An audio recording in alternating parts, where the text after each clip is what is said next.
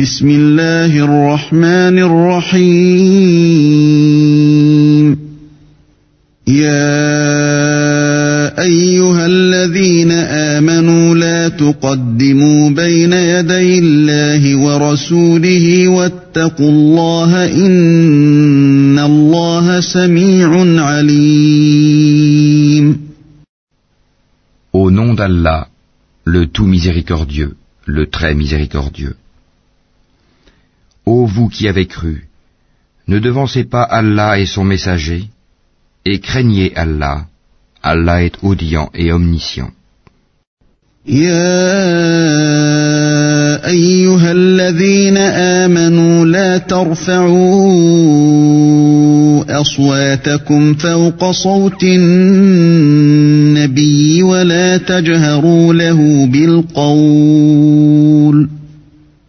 Ô vous qui avez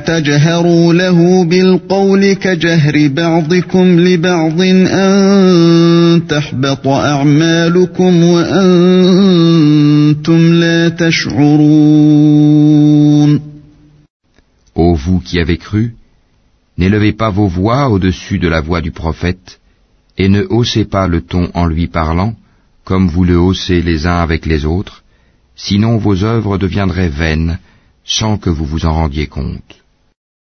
إن الذين يغضون أصواتهم عند رسول الله أولئك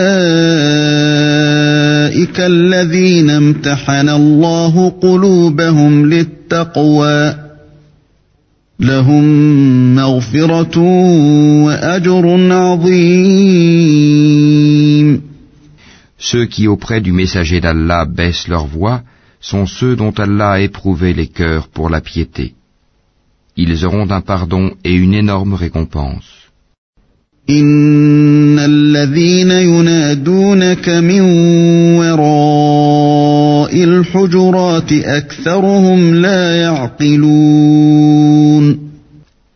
qui t'appellent à haute voix de derrière les appartements, la plupart d'entre eux ne raisonnent pas. Et s'ils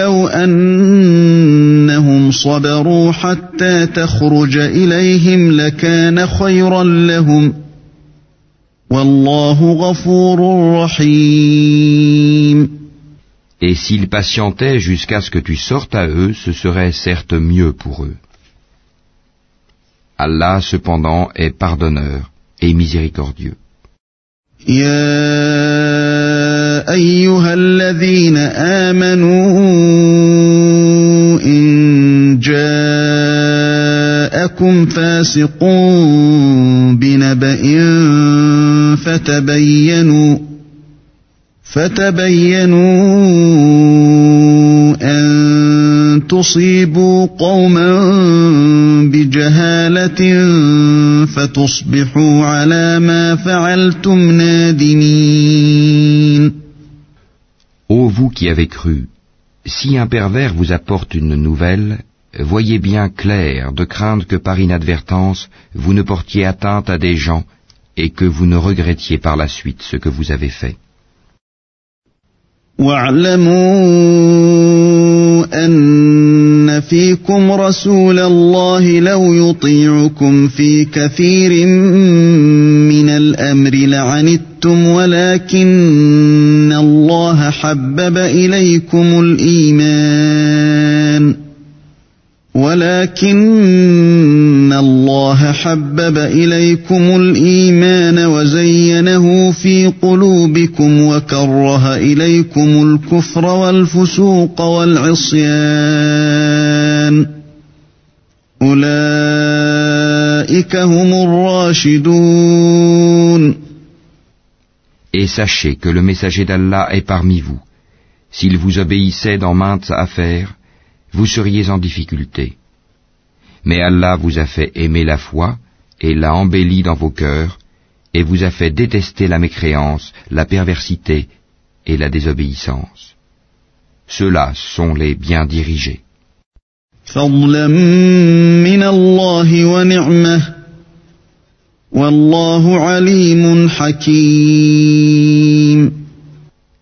en effet une grâce d'Allah et un bienfait.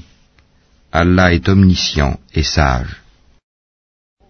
وإن طائفتان من المؤمنين اقتتلوا فأصلحوا بينهما فأصلحوا بينهما فإن بغت إحداهما على الأخرى فقاتلوا التي تبغي حتى تفيء إلى أمر الله Et si deux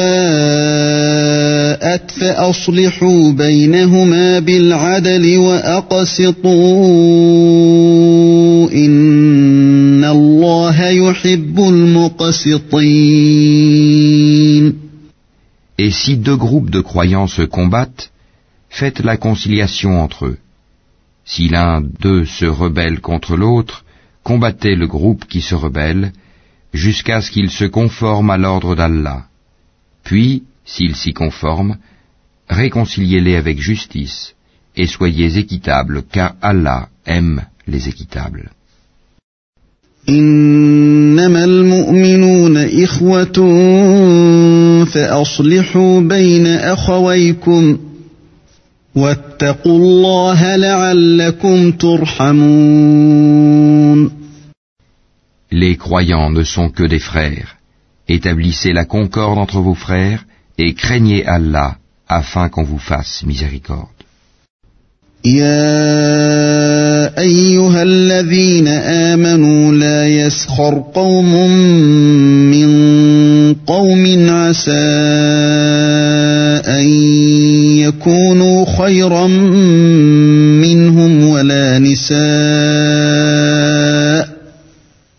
ولا نساء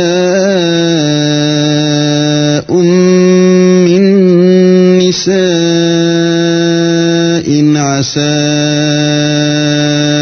أن يكن خيرا منهن ولا تلمزوا أنفسكم ولا تلمزوا أنفسكم ولا تنابزوا بالألقاب بئس الاسم الفسوق بعد الإيمان ومن لم يتب فأولئك هم الظالمون Ô vous qui avez cru, qu'un groupe ne se raille pas d'un autre groupe. Ceux-ci sont peut-être meilleurs qu'eux. et que des femmes ne se raillent pas d'autres femmes. Celles-ci sont peut-être meilleures qu'elles. Ne vous dénigrez pas et ne vous lancez pas mutuellement des sobriquets injurieux. Quel vilain mot que perversion lorsqu'on a déjà la foi. Et quiconque ne se repent pas, ceux-là sont les injustes. يا أيها الذين آمنوا اجتنبوا كثيرا من الظن إن بعض الظن إثم ولا تجسسوا ولا تجسسوا ولا يغتب بعضكم بعضا Ô vous qui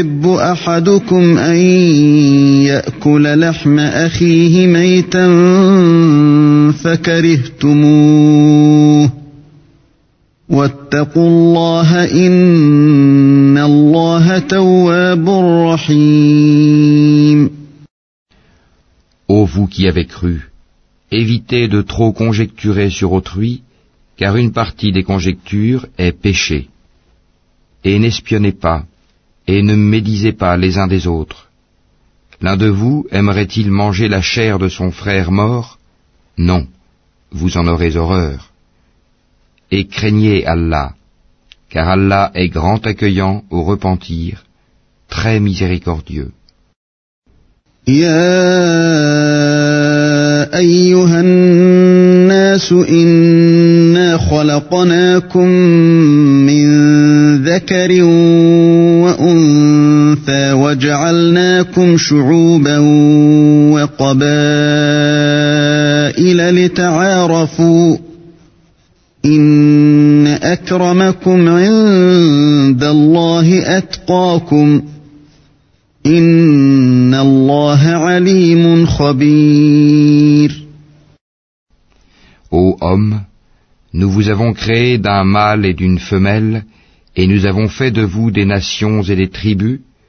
pour que vous vous entreconnaissiez.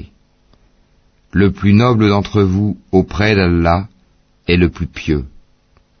Allah est certes omniscient et grand connaisseur.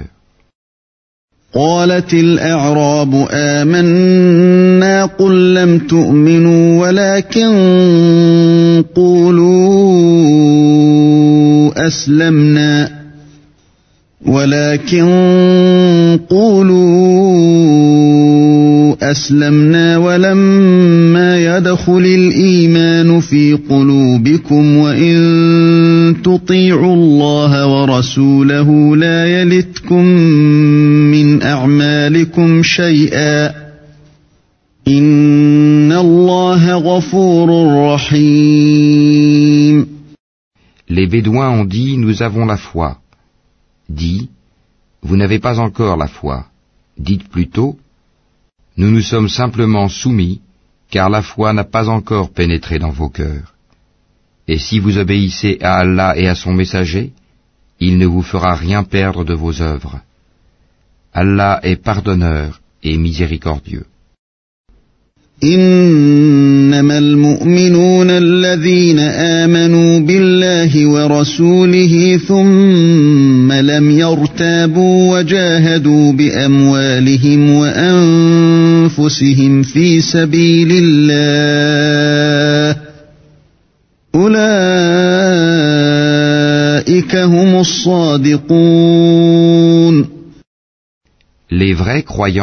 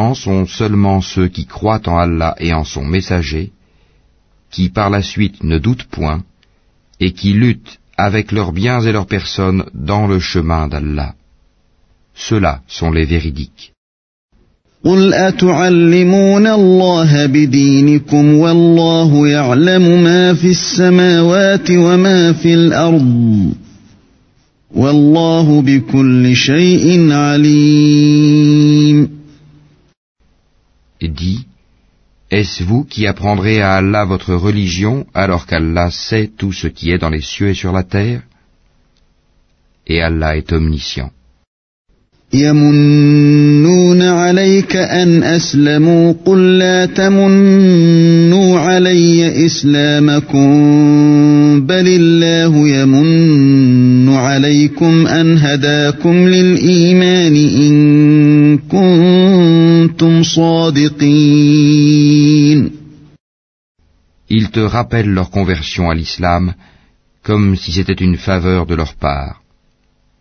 Dis, ne me rappelez pas votre conversion à l'islam comme une faveur. C'est tout au contraire une faveur dont Allah vous a comblé en vous dirigeant vers la foi, si toutefois vous êtes véridique. إن الله يعلم غيب السماوات والأرض والله بصير بما تعملون Allah connaît l'inconnaissable des cieux et de la terre, et Allah est clairvoyant sur ce que vous faites.